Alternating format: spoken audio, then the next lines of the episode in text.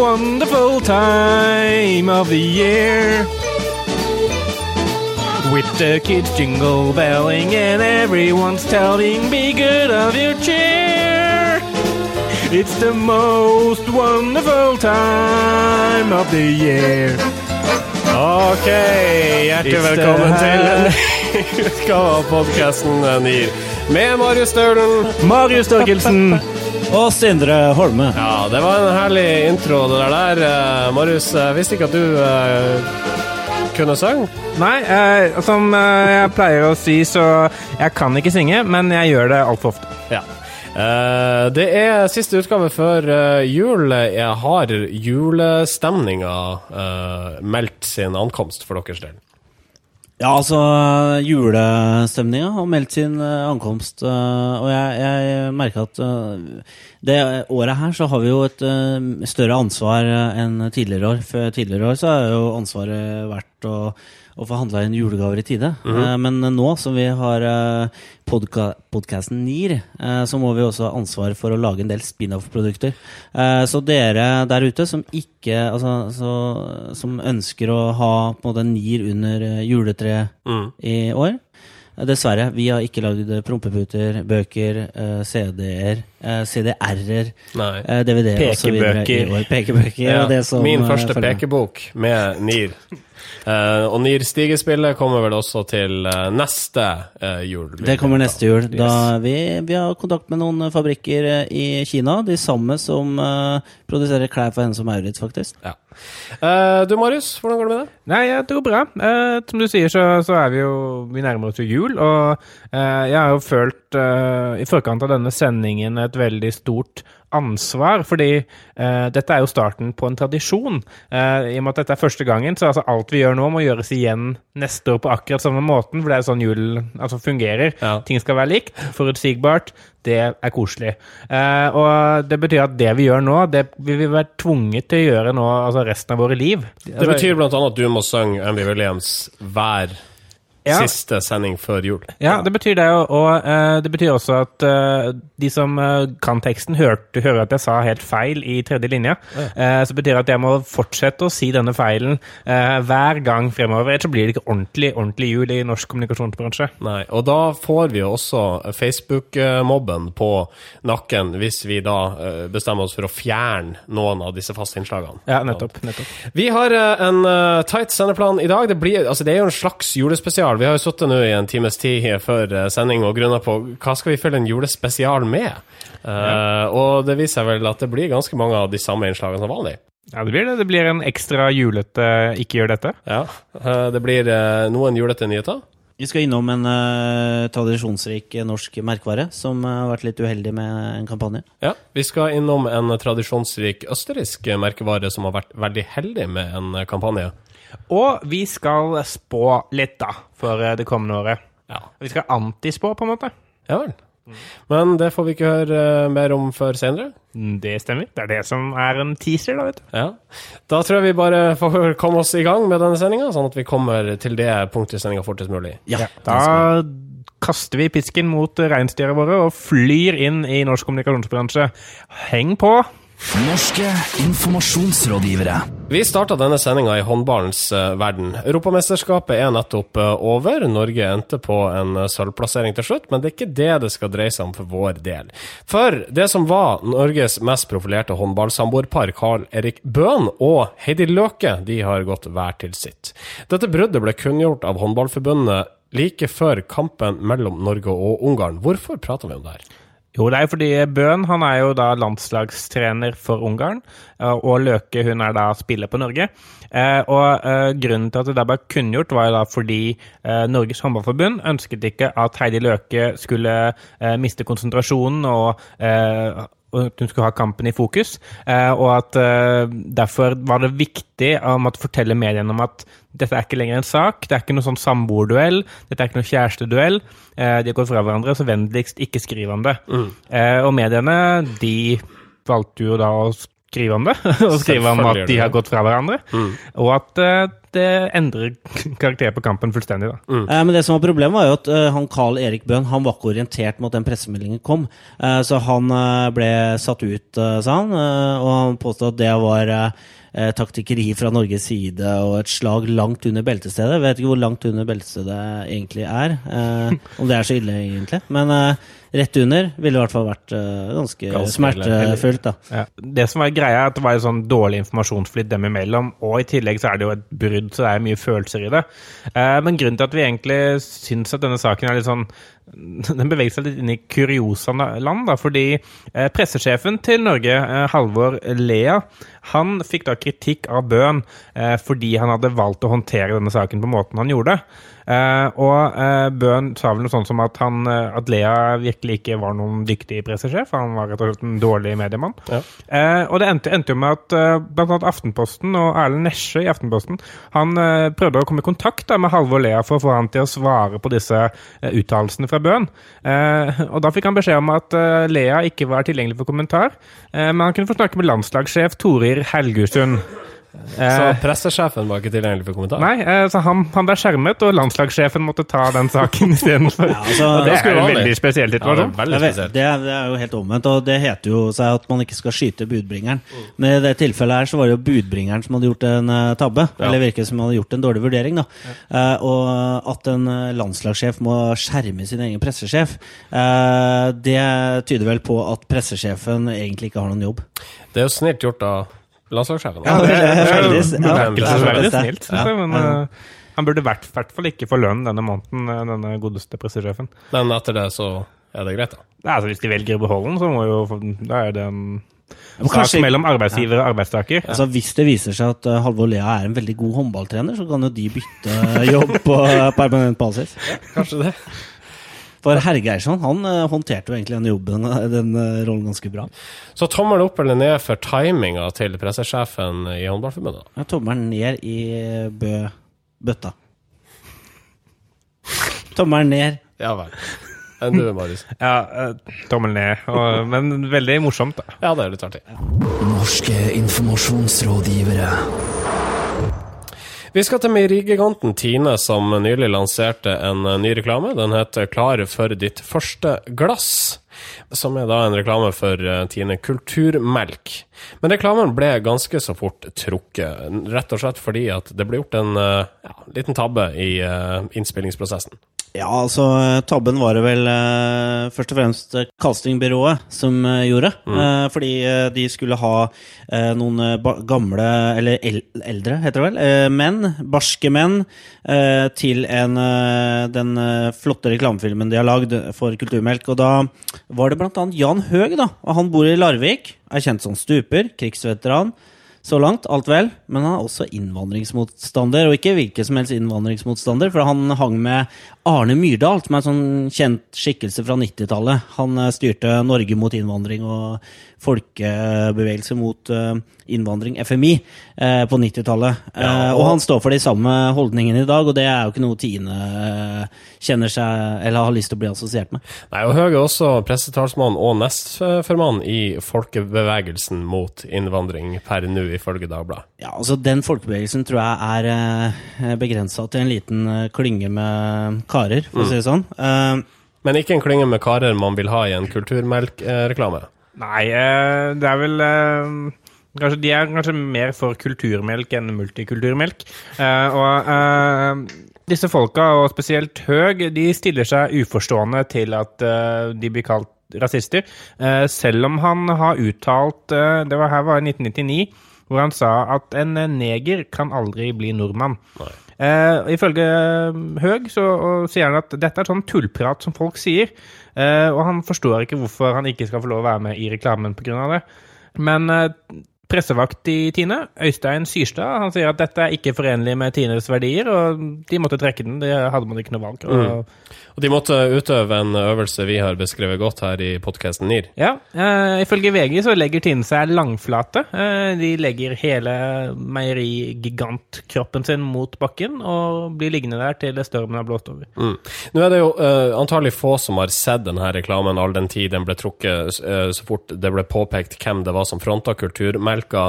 Og hvis vi da skal begynne å analysere potensielt skade for, eh, potensiell skade for merkevaren her, hva har vi snakka om, egentlig? Vi snakker ikke om uh, veldig store skader. Altså, det er en eh, flott eh, produsert eh, film, og det er Seimen, som uh, det her er rockegruppa fra Tønsberg, som var store på 90-tallet særlig, eh, de eh, har eh, musikken, og de synger på norsk, og det er liksom sånn, den kommuniserer en del sånn eh, ja, en del sånne kjerneverdier, norske verdier. Eh, men eh, altså mm, Den håndteringen her har Tine altså, ganske, sånn entydig. eh, at de har ikke De har ikke hatt noe valg, og de bare sier at dette kan vi bare ikke eh, gjøre noe mer ut av. Så det de har tapt, det er de pengene de har brukt på den filmen. filmen. Og så er altså, beskyldningen eller sakens kjerne er så langt fra Tine, da. Sånn, eh, hvis, hvis eh, det hadde kommet fram at en av disse folkene i reklamen drev eh, kuoppdrett på en måte som var uh, uforsvarlig, så kunne det kanskje vært en et større problem for Tine enn For ingen tror at Tine egentlig er rasister, uh, selv om de har en rasist med en, en av, av finnene sine. Så måte, avstanden mellom sak og, og merkevær er så fjern at den kan ikke påvirkes. Da. Spesielt, spesielt ikke når de har tatt ansvar. Eh, Men, men det kan jo bli interessant å se hvis det på en måte blir en føljetong, dette her, og at det kommer frem at Tine egentlig har visst det, men prøvd å skjule det og alt sånt. Eh, Det kan jo eventuelt skade det, men mm. det vet vi jo ikke ennå. Nei, så da får vi bare vente, da. Bare vent, eh, og håpe at uh, Simon uh, tar feil når de i den avsluttende linja i sangen sier at slike gutter, det vil gamle Norge ha. Det vil gamle Norge absolutt ikke. Norske informasjonsrådgivere. Santa baby, slip a sable under the tree for me. I've been a lawful good girl, Santa baby, and hurry down the chimney tonight. Ja, dette er vel antagelig vår juletolkning av omdømmepopen. omdømmepoppen. Uh, Podkasten gir oss Indre Holme som sang 'Santa Baby' mens han eh, stirret dypt inn i øynene til Marius Torkelsen. Det var rett og slett eh, nydelig. Og vi skal holde oss i julemusikkens verden, for eh, nylig så kom det frem at Human-Etisk Forbund har vært eh, og rasket på isen. Og uh, avkristna rett og slett eh, låta 'Deilig er jorden'. Det har rett og slett fjerna alle referanser til kristendommen fra den kjente og kjære bibelvisa. Eh, og dette mm, skaper reaksjoner, eh, særlig borte i eh, avisa Dagen, der Vebjørn Selbekk sier seg lite imponert over dette. Det som har skjedd nå, det er at Humanist Forlag, som jo eh, ikke er helt veldig langt unna Human-Etisk Forbund, forbund når det gjelder Ah, verdier, så jeg sa feil, ja. Eh, jeg det. de har, eh, det gjør ikke noe. Når de har eh, gitt ut en bok som heter 'Når nettene blir lange'. Julesanger for noen hver. Så her har de skrevet om deilig av jorden. Eh, lagd ny tekst eh, med referanser til at jorden i seg selv er, eh, er av stor verdi. Vi kan, ta, vi kan sammenligne de to tekstene, og originalen, altså de første strofene i den originale Deilig er jorden, er da slik. Deilig er jorden, prektig er Guds himmel, skjønn er sjelenes pilegrimsgang. Ja, og i eh, Tore Sivertsens versjon så er det altså deilig er jorden. I sin rike velde gir den oss livet på ny hver dag. Reaksjonene kom hovedsakelig fra Vebjørn Selbekk. Ja, Vebjørn Selbekk han eh, er litt oppgitt. Han er jo da redaktør i Dagen, og han, eh, han sier at uh, nå har jo uh, humanetikerne dilta etter de kristne i mange sammenhenger. Konfirmasjon, uh, navnefest skal de ha. Og nå kommer de her og skal ta julesangene våre òg. Så sier jeg synes han, ja, han reagerer og sier at hva med å vise litt kreativitet? Altså, Finn på noe eget, da, istedenfor å drive og kopiere oss hele tiden. Jeg, jeg synes egentlig det var sånn Altså, hvis de skulle sagt noe, så var det et sånn kult tilsvar, faktisk. Altså, for det, er- det er et poeng. Sånn, altså, man vil gjerne eh, vise at man skal ta avstand fra kristendommen, men fortsatt måtte, opererer man på deres premisser, og man liksom, prøver å eh, operere innenfor en, en ramme som kristendommen har satt, og som lokker folk til sånn Ja, dette er nesten deilig av jorden, da. Ja. Skal ikke komme og synge denne fine julesangen, da. Oi, nå er du ikke kristen lenger, for du sang den Ja, altså, altså, kanskje det blir nesten sånn at uh, det er et større poeng å understreke den aktive avstanden human, humanetikere tar til jula som kristen tradisjon Ja, enn sangen i seg sjøl. Ja, for det er nettopp det. For det, altså, dette grepet, spesielt sånn, i og med at det har spilt sånn som det har gjort i, i mediene også, handler mer om å vise avstand til kristendommen enn å vise hva egentlig Human-Etisk Forbund står for. Eh, og, og da blir det kun en sånn derre kontraorganisasjon, da, som måtte, kun skal være en motpol til måte, det religiøse Norge. og eh, Man kan være enig eller uenig i standpunktene, men sånn, jeg syns jo det er en dårlig måte å bygge altså, kjennskap på. Da, for da man bygger man kun kjennskap på noe man ikke er, og ikke noe man Ja, er. for jeg syns, jeg syns absolutt jeg har et poeng i at uh, humanetikere må også få lov til å ha uh, sin versjon av jula. Men jeg er litt usikker på Nå, nå er vi jo informasjonsrådgivere og skal snakke om PR, så jeg er liksom usikker på om de har opinionen med seg, da. Eh, NRK har en, hadde en poll på uh, saken som omhandler dette, her, og 90 eh, svarer at det er galt å avkristne deler av jorden. Eh, og Det sier, ty- tyder jo mye på det som vi var inne på i starten av send- sendinga. Altså. Du fucker ikke med norske juletradisjoner. Nei, altså det handler om tradisjoner, det handler ikke om kristendom. Og det tror jeg humanetikerne egentlig har misforstått litt her, da. Uh, og så er det veldig tydelig at dette, dette heftet da, er mer et mål til et middel. Da. Altså, det, er, på ikke et, det virker ikke som det bunner ut i et ønske om å gi folk måtte, en god ukristen jul. Det handler mer om å bruke mediene og bruke eh, aktualitetsknaggen som er rundt jul, til å måte, skape debatt og et synspunkt. Og ingen har egentlig lyst til å debattere jula i jula.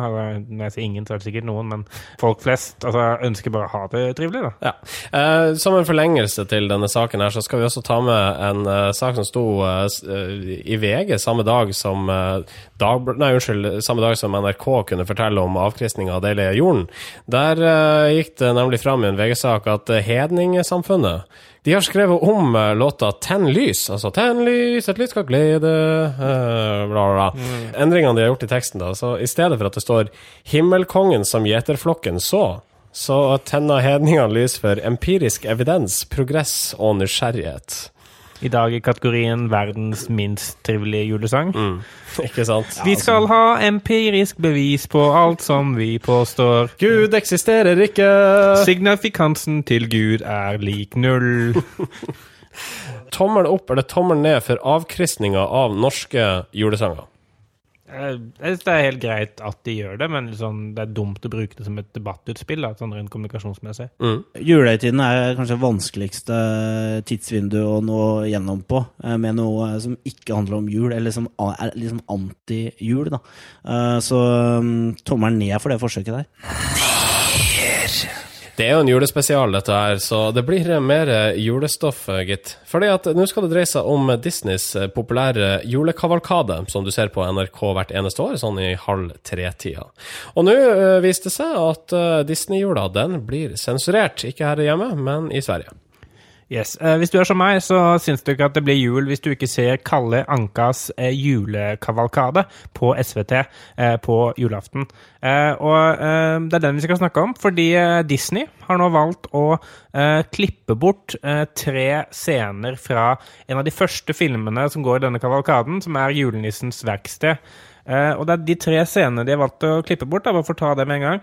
Eh, det er eh, en scene hvor det er en, eh, en sort dokke som blir stemplet i baken med OK. Eh, det er en eldre mann med skjegg som gjør en kosakkdans, en sånn, sånn russisk dokke. Og det er en blond dokke som sier 'mamma'. Eh, Disney valgte å klippe det bort, for de mener at eh, malere måtte et utypisk stereobilde, eh, stereotypbilde av eh, på sånn figurer som eh, vi mener ikke lenger er eh, relevante i dagens samfunn. Rasistiske undertoner, det er sånn ja, det er sånn det det eh, handler er. om. da. Og, eh, og det har jo, i, I Sverige så har, det ført til en proteststorm, eh, først og fremst ledet han via Twitter. Og det har faktisk blitt så ille at Disneys kommunikasjonssjef har måttet gått, gått ut og forsvare hvorfor det har gjort sånn som det har gjort. Ikke lagt seg flate. De sier at dette står vi for, og dette er måte, det mer moderne Disney som folk skal få se fremover. Mindre rasistiske undertoner, mer eh, politisk korrekthet. Riktig. Vi er veldig sensitive for den type ting. Eh, altså, Egner også ble jo skrevet om. Vesle Hoa eh, forsvant vel ut av eh, hele samleboksen til Torbjørn Egner, for eh, han var en ekte hottentott, og Ja. det er rasistisk i eh, 2012. Det er rasistisk, og det, det her skal jo være oppbyggelig og for barn osv. eh, dette innholdet, eh, tenker man. Men det som man glemmer, er jo at eh, den type Altså de tegnefilmene og og, Egner for så vidt, det er jo uttrykk for en tidskoloritt. Altså, man vet at det her er jo, det er jo 50 år siden det ble lagd. Og for Disney sin del så var det på slutten av 40-tallet, begynnelsen av 50-tallet. Mm. Uh, sånn at uh, vi mister jo en, eh, en sånn tidsmaskinfølelse. altså den referansen til at ting var annerledes før, og man så på ting på en annen måte før, det mister man. Og jeg tror man undervurderer norske barn, da, eller svenske barn, i et tilfelle her. For jeg tror barn har mye, er mye mer eh, Hva skal jeg si differensierte i sin oppfatning og klarer å legge en, eh, regnestykker sammen. Én pluss én og osv. Jo, jo så, så tenkte jeg altså, det, Jeg tror ikke det er noe problem at man skal si at de kommer ikke til å fjerne det i, i Norge. da. Eh, derfor der skal man beholde den gamle versjonen. Eh, men jeg, jeg tror ikke noe sånt er noe problem eh, når man putter det inn i dagens kontekst. da. Eh, fordi altså, stereotypiet blir jo et problem i det de blir forsterket måte, i alle ledd. Eh, men i dette tilfellet så er jo altså mangfoldet i altså Spesielt det som tilbys barn, da, er såpass vidt at hvis man plutselig ser en blond eh, sånn eh, dokke med, med Marilyn Monroe tendenser som sier mamma med en sånn lys pipestemme, så er ikke det nødvendigvis man setter det i en kontekst om at alle blonde jenter er på den måten. Eller hvis man ser en, en sort dokke, så tenker man at, at dette er som uh, Eller en, en russisk kosakk, da, for den, for den saks skyld. Man ser bare en rar mann med skjegg som danser rart. Jeg tenker meg at dette er typisk russere. Uh, så jeg syns Disney på en måte så jeg, de er nok litt mer litt sånn overforsiktige her, da. eh, enn en, hvis det måtte være barn de måtte ønsker å beskytte. Mm. Eh, så tommelen opp eller tommelen ned for den eh, justerte versjonen. Implisitt, unnskyld, underforstått. Kommer du til å sende på NRK i år? Nei, det blir ikke helt samme uten tjuren Ferdinand som lukter på korplommene under ekan. Eken. Nei. Enn du, Holmis? Jeg er også veldig farga av svensk TV. Jeg er jo fra Fredrikstad, så jeg har sett veldig mye på svensk eh, barneprogram. Veldig billig. Eh, kjøre over grensa, for svensk TV. Mm. Ikke sant? Kjøre over grensa, eh, kjøpe noe billig kjøtt og bacon, og se svensk TV. Norske informasjonsrådgivere. Men vi skal tilbake til uh, vår egen bransje nå. La oss forlate jula for en stakket stund. Det blir nok av den til eh, uka. Vi skal til Kommunikasjonsforeninga, som har ei egen nettside. Det er prprat.no. Og der, gjennom et sett av gjesteforelesere, så presenteres da en del innhold knytta til kommunikasjon for hvem som helst som har interesse for faget. Og vi uh, tok dette her opp på redaksjonsmøtet, og der kan det fram at du, Marius Torkelsen, du er kritisk du, til denne sida. Ja, jeg syns den har blitt skikkelig kjedelig. Eh, og eh, jeg syns altså, synes det er helt riktig av Kommunikasjonsforeningen å prøve å etablere en, eh, en blogg og en kanal for, for å uttrykke meninger. Og, og eh, de er flinke til å måtte hente inn gjestefolk som skriver. Og altså, det er mange som måtte får eh, sin stemme hørt der. Eh, og kanskje den også farger litt eh, mangfoldet som er Kommunikasjonsforeningen. Men som måtte meningsbærende forum, eh, som kanskje også kan ta opp eh, dagsaktuelle temaer, eh, diskutere det, eh, og måtte fremprovosere litt debatter som er nyttige for bransjen, så, så faller den fullstendig gjennom. Ja, hvilke type temaer er det du savner, altså hvis du skal konkretisere din kritikk her? Nei, altså, jeg, jeg savner litt mer saker som, eh, som tar for seg måtte, den eh, sånn undertonen av, av debatt som man ser i, i PR- og kommunikasjonsbransjen spesifikt, som går på eh, kommunikasjonsrådgiveres eh, bidrag. Da. Altså, hva, hvor tilfører vi verdi? Hvordan skal vi tilføre bedre verdi? Hvordan skal vi synliggjøre den verdien vi faktisk tilfører? Spesielt i, i, i det offentlige, hvor vi vet at de største, den største andelen av Kommunikasjonsforeningens medlemmer sitter i, i, det offentlige. Men det er en debatt som det virker som det er ingen som egentlig tør å ta ordentlig. Da. I hvert fall ingen av bransjeorganisasjonene.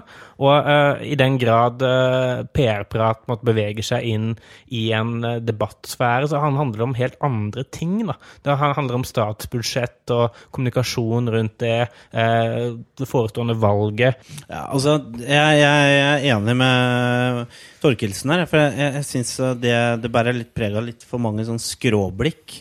Eh, hvor man ikke ønsker å ta en sånn eh, bastant eh, stilling til de temaene man eh, diskuterer, men man reflekterer et eller annet eh, som har skjedd i mediebildet, eller som er aktuelt. Eh, og så på en måte gjenforteller man det. Eh, jeg, jeg har veldig troa på PR-prat hvis vi klarer å rendyrke det som et, som et sånn trening, en treningsleir for eh, å få fram gode penner. da, altså Få fram gode meninger.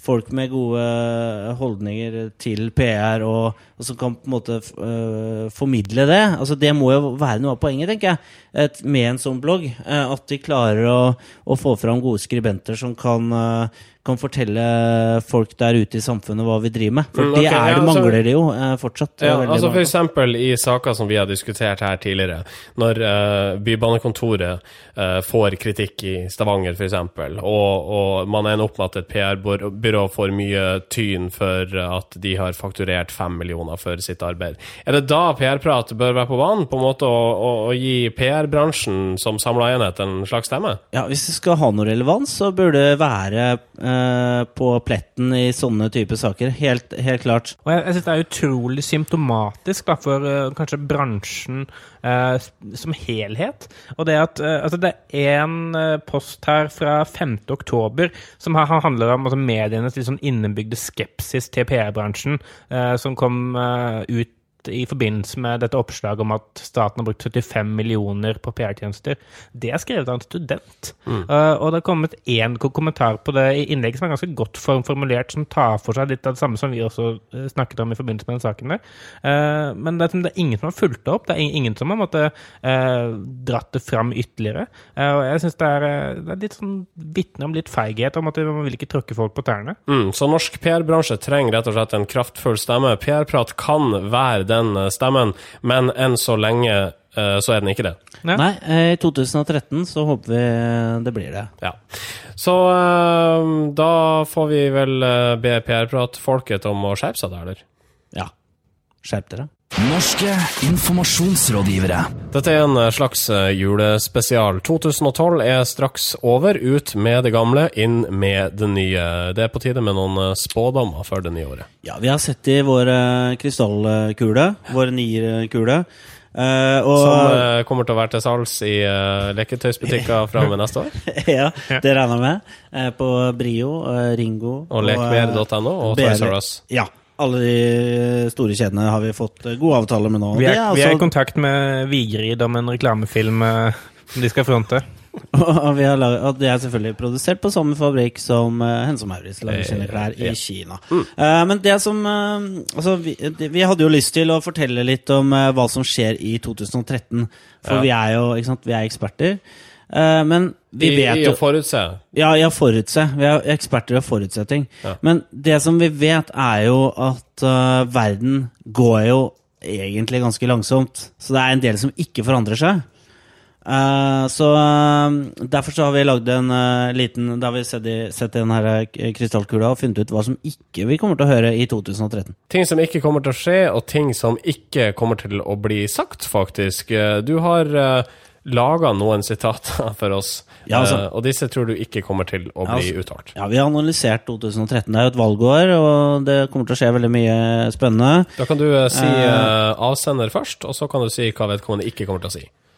Ja, det er, her er et sitat som kommer til å stå da, Som ikke da kommer til å stå på trykk eh, 3. mars i VG. Ja. Og det er uh, avsender her, ansvarlig redaktør i, i VG, faktisk. Torje Pedersen. Han sier at Dagbladet er jo faktisk en ganske god avis. Jeg kommer ikke til å si det. Han kommer ikke til å si det. Eh, vi kommer ikke til å høre Jarle Aabø, som sier at denne saken uh, har ingen forutsetning for å uttale meg om, og kommer derfor til å velge å avstå å kommentere. Vi kommer heller ikke til å høre Grete Faremo si 'jeg tar selvkritikk'. Nei? Eh, et annet sitat som nesten er helt likt, eh, som eh, da ikke kommer til å ligge i munnen på Liv Signe Navarsete, altså Senterpartilederen, det er 'jeg tar også selvkritikk'. Nei. Vi kommer ikke til å høre Morten Voldsdal som sier følgende eh, Jeg ønsker her å initiere en debatt eh, på vegne av hele kommunikasjonsbransjen om våre verdier og standpunkter. Mm. Vi kommer ikke til å høre Preben Karlsen som sier at når jeg har tenkt meg litt om, så virker det helt rimelig at alle skal sertifiseres i NIR før man kan eh, Nei, i KOM før man kan eh, bli med på Gullkorn. Jeg har et siste sitat, Ja. hvis det er greit. Ja. Ja, fint. Vi kommer ikke til å høre stuper- og krigsveteran Jan Høeg si at 'selvfølgelig kan en neger bli nordmann'. Skal vi avslutte eh, spalten der? Jo, takk for det. Da sier vi takk og beveger oss videre. Farvel. Ukas medieinnsalg. Noen eh, spalter har vi fast hver uke. Andre trodde vi vi skulle ha fast, men så bare glemte vi de av. Eh, en av disse var ukas medieinnsalg, som vi vel har hatt i to av episodene våre. Men nå drar vi den fram igjen og gir pokalen til Red Bull. Hvorfor det? Ehm, fordi de på eh, fredag, eh, forrige fredag, i Dagens Næringsliv hadde en svær sak eh, i eh, deres magasin D2 som handla om eh, Red Bull, om alle sponsorobjektene de har, også om eh, de sånn negative virkninger av energidrikk og negative signaler. Eh, så vi har diskutert litt om det faktisk er et medieinnsalg e- eller ikke. Eh, jeg er av den oppfatning at det er et medieinnsalg, fordi eh, hvis man ser forsiden, da, eh, så er det da lang langrennsstjerne Petter Northug som står og flekker i brystkassa med en Red Bull-logo på brystet. Eh, og jeg tenker at det er mulig at D2 har ringt eh, Red Bull og sagt at eh, vi vurderer å skrive en sak om dere, og så har de sagt eh, vil dere ha et bilde av, Red, av Petter Northug med Red Bull på brystkassa, kanskje? Jeg vil det være fint. Så de har, de har nok i hvert fall sett en mulighet her og grepet den. Ja, Og hvilken uttelling de har fått. Det, var, det er jo helt fantastisk. Hva, hva var det vi talte? Ni sider? Ni sider Ja. eh, i D2 på glansa papir. og- Gigantiske bilder. Ja. Veldig få negative ytringer. Mm. Så skal det sies da at uh, altså disse casene som Red Bull har vært involvert i, er, har jo vært veldig interessant. Det siste derifra er jo selvfølgelig Felix Baumgartners sitt uh, elleville uh, stup fra stratosfæren. Ja, og det er jo så, litt sånn på tampen av året så er Red Bull en av aktørene som virkelig er verdt å snakke om, fordi det er få eh, merkevarer som har tatt en større del av måten, popkulturelle samtalen gjennom 2012 enn det Red Bull har gjort. Og jeg tror vi ser eh, Altså, det er et stort eh, konsern allerede, men vi ser nok gryingen av noe som på sikt kommer til å ta opp kampen ganske sånn klart med, med andre leskemiddelgiganter som Cola. Jeg, tror, jeg, ser, jeg ser for meg at vi kommer til å se en utvidelse av produktporteføljen deres og en betydelig sterkere posisjon i de kommende årene. Mm. Hva er det Red Bull gjør så bra? Ja, Det som er interessant med Red Bull, det er jo uh, Skal sammenligne med en, eh, en annen drikk som har en lik, eh, lignende posisjon, så må det være Coca-Cola. Men Coca-Cola har en veldig veldig lang historie. Red Bull uh, har jo bare eksistert siden 1987, faktisk. Eh, men de har bygd seg opp innenfra uh, vis, i visse miljøer. da. Eh, de begynte å, altså, de begynte å sponse på en måte, surfere som, eh, som eh, la, la i vei fra USA til Cuba eh, i sin tid. Altså, de har hele tiden oppsøkt risikosoner. da. Uh, og har, på den måten så har de fått, uh, med å jobbe innenfra veldig med sånn marginale miljøer, så har de fått en status og, et, uh, og en troverdighet i i visse miljøer som har gjort at de har blitt større og større over, over tid. Ja, De har fått seg et navn. så at Er du sponsa av Red Bull, så er du en god eh, Så er det noe spesielt med det. Det er en, det er en del sånn likheter da, me- mellom Red Bull og Coca-Cola. Liksom måten Coca-Cola ble spredd til verden på. Da. For Coca-Cola var i hovedsak det var stort i USA lenge. Det er spredd til verden gjennom at uh, soldatene, uh, som da representerte USA under første og andre verdenskrig, de fikk tilsendt cola uansett hvor de var på kloden. og På den måten så spredde de seg. Uh, Red Bull gjør det samme, men gjennom ekstremsport. De gjør veldig mange grep som cola har lykkes med over tid. da. Eh, Så er eh, kanskje ikke bare ukens medieinnsalg, men årets medieinnsalg. For altså, de har vært veldig konsistente på mange arenaer gjennom hele året. Dette er rett og slett eh, det, her er- det her fruktene av et arbeid Bull har drevet med i er årevis. akkurat det der. er. Ja. Uh, Eh, og det, det har en kjempegod historie. Det som jo er Det er mye fare, mye, mye risiko forbundet med både produktet, eh, det er mange som hevder, annet også i D2-artikkelen, og også den strategien de velger. For når man knytter seg så tett opp mot folk som i utgangspunktet er ganske altså, markante og fargerike personer, så noen kommer til å trå galt en eller annen gang. Og eh, det blir spennende å se. Jeg ser for meg at de sannsynligvis har en eller annen strategi for å håndtere noe sånt, men, eh, men eh, det blir veldig interessant å følge dem videre. Mm. Da tror jeg vi avrunder der, eh, og beveger oss videre. Norske informasjonsrådgivere. Vi er aktive på Facebook, vi, er på adressa facebook.com slash norske informasjons... Norske informasjonsrådgivere. eh, og hver uke så har vi en poll der, og det er du, Holmis, som eh, styrer den. Og du eh, er klar for en ny recap. Hva spurte du om denne uka, Sindre? Jeg spurte hva har vært den viktigste medietrenden i 2012? Ja. Og da har du uh, lista opp eh, fire alternativer, og vi kan begynne med alternativ én, vi. Alternativ 1. Kontrollkomiteen på Stortinget gikk live i TV og nettaviser. Ja, for det var eh, noe som eh, skjedde hver gang kontrollkomiteen eh, hadde sine møter.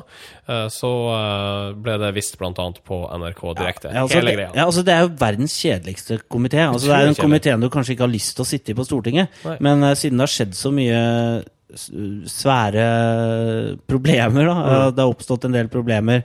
Jeg ser at du her har bedt om å få tilbake penger for en taxitur fra eh, Fridays på Aker Brygge til Stortinget. Eh, du skriver at du var alene i taxien. Eh, vi Ja, har indikasjoner på at du kanskje ikke var det. Sånn var det jo i 2010. Da tok de tak i den type problemstillinger. Men nå er det verre ting, altså større ting. PST, 22. juli, etterspill osv. Ja, ok. Eh, alternativ, altså alternativ to her. Men ja, alternativ to. Dagbladet begynte med reklame-post-it-lapper på forsiden. Og Det var en megatrend eh, der, var det ikke det? Jo, i hvert fall i eh, Dagbladets verden. Så Dagbladet finner jo, prøver alltid å finne nye måter å overleve på. Og blant annet så har de begynt å selge da gjennom året Altså Man kan kjøpe en Post-It-lapp som da står på forsiden. Og som da, uh, det er en fysisk Post-It-lapp, uh, og da står det da et eller annet reklamebudskap sånn som i dag får du 10% på alle dresser på Dressmann. Har aldri sett før. Nei, men det, det har skjedd. Ja vel. Eh, og da er det et alternativ tre her òg. VG ble plutselig en full, fullverdig TV-kanal. Ja, gjennom eh, satsinga på VGTV, som de har jobba med nå i eh, flere år, eh, blir det vel riktig å si? Ja, men Det er vel nå først, først nå i år at de har regelmessige sendinger. De har mye fotballsendinger, og så har de jo Tørnquist-show, som jeg er veldig glad i. Som er et eh, underholdningsprogram. Og vi har et siste alternativ. Mediene begynte å dekke rettssaker som om de var sportsarrangementer. Ja, og det så vi jo først under 22. juli-saken, som ble dekt nærmest i sin helhet, da med unntak av det som Anders Behring Breivik sa. Det eh, fikk ikke det, det, det kunne ikke bli vist på TV, og vi så det også i Vågås-saken, som nylig ble avrunda. Ja, altså I Vågål-saken så, så var det jo nyhetsstudio, det er journalister som intervjua journalister. Eh, de lodda stemningen, de, kom, de kommenterte utseende, stemning eh, og, og det som var. Og det eneste som mangla der, var vel på en måte en uh, limerick. Ja. Kan vi få en limerick? uh, en ordførerkar ifra landet sa 13 og 30 er det samme. Men retten sa nei. Det er ikke greit, så nå har han havnet i garnet. Fantastisk. Ja, det var jo eh, jaggu meg ei direktesending på NRK1 verdig, det der. der. Ja. Fantastisk. Eh, ny Paul neste uke? Nei, det blir vel kanskje ikke det. Eh, det er jo jul, tross alt. Vi tar vel ferie, gjør vi ikke det? Vi kommer til å kjøre en poll som er eh, Er det jul? Ja eller nei? Ukas kudos. Denne uka så går kudosen til eh, barneorganisasjonen Unicef, som har lansert eh, noe som kan karakteriseres som en litt utradisjonell eh, julereklame. Unicef skal da samle inn midler til barn i fattige land, og det gjør de med en reklame der brutaliteten rundt juleniksens eksistens blir røska tak i. Ja, det er en nisse som er veldig ulik den Coca-Cola-nissen, eh, som jo er bare superhyggelig, eh, og som du har lyst på å sitte på fanget til. Ja, vi har, funnet, Eh, vi har funnet videoen eh, av denne julenissen her, og kort fortalt så sitter han vel og åpner pakka ved et bord, og så åpner han en pakke med et litt overraskende innhold. Ja, han eh, åpner en pakke med noe som ligner på kanskje noe vaksine og et gavekort på en geit og sånne ting. og så Det syns ikke han er noe stas, da. Nei, vi skal høre reaksjonen hans uh, her. You buy this product for your friend, and all this stuff goes to poor kids. Like in Africa? Huh. Your friend only gets a gift card. What am I supposed to say when I hand this out? Ho, ho, ho. Here's a picture of the gift you never got. I mean, come on. I don't do poor countries. Harsh reality. Uh, nissen gjør rett og slett ikke Gir ikke gaver i fattige land. Nei, og det er jo en illusjon vi ikke liker å eh, få ødelagt her. Altså, Han eh, reiser ikke over hele verden, faktisk. Han reiser bare på nordlig halvkule, der som vi er ganske godt stilt. Ja, i- i landene, rett og slett. I landene. Eh, og UNICEF har jo da lagd payoffen 'We go where Santa doesn't'. Ja, som vel også strengt tatt er sannheten, men reklamen skapte uansett furore på Facebook. Ja, eh, det gjorde det. Og det er mange som måtte ha kommentert og, og mener at dette er eh, negativt. Eh, blant annet ei som kommenterer på Facebook-siden til Unicef Norge, hvor hun mener at det er en veldig dårlig reklame, fordi de mener at Unicef aktivt sverter julenissen, for så å fremheve seg selv. eh, og at eh, dette er dårlig. Altså, selv om nissen da er en fant fantasifigur, hun, hun innrømmer det, eh, så syns hun også at det er dårlig at eh, reklamen eh, kanskje da tar fra barn liksom, den illusjonen om at nissen er eh, snill og grei. Ja, altså Bernt Apeland, da, som er eh, generalsekretær i UNICEF i Norge, han sier at eh, ingen skal ha dårlig samvittighet for å feire jul, men vi ønsker å sette fokus på at ikke alle barn har det like godt, og at barn i nød trenger andre typer gaver enn de nissen vanligvis har i sekken. Jeg møter mine egne sånn holdninger litt i døra på at det er litt kjipt å både gi bort og få litt sånn avlatsgeiter og, og, og vaksiner, fordi man opplever som ikke en sånn det er ikke den samme sånn barnslige gleden av å motta noe man faktisk kan bruke på noen måte, eller å gi bort noe som man ser folk der og da blir glad for. Selv om disse gavene sannsynligvis betyr da tusen ganger mer for de som faktisk mottar dem. Eh, så jeg tror det, det er en sånn For meg var det en veldig sånn god film, og jeg, begynte jeg, den fikk meg til å tenke litt, fordi fordi altså, den tar, noen, tar opp oppgjør med noen holdninger som helt klart ligger der. Mm.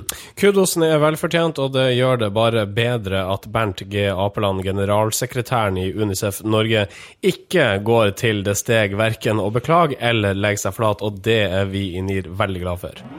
Norske informasjonsrådgivere.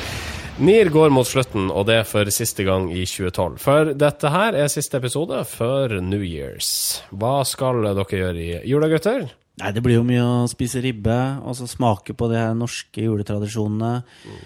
Eh, ja, kalkun kanskje.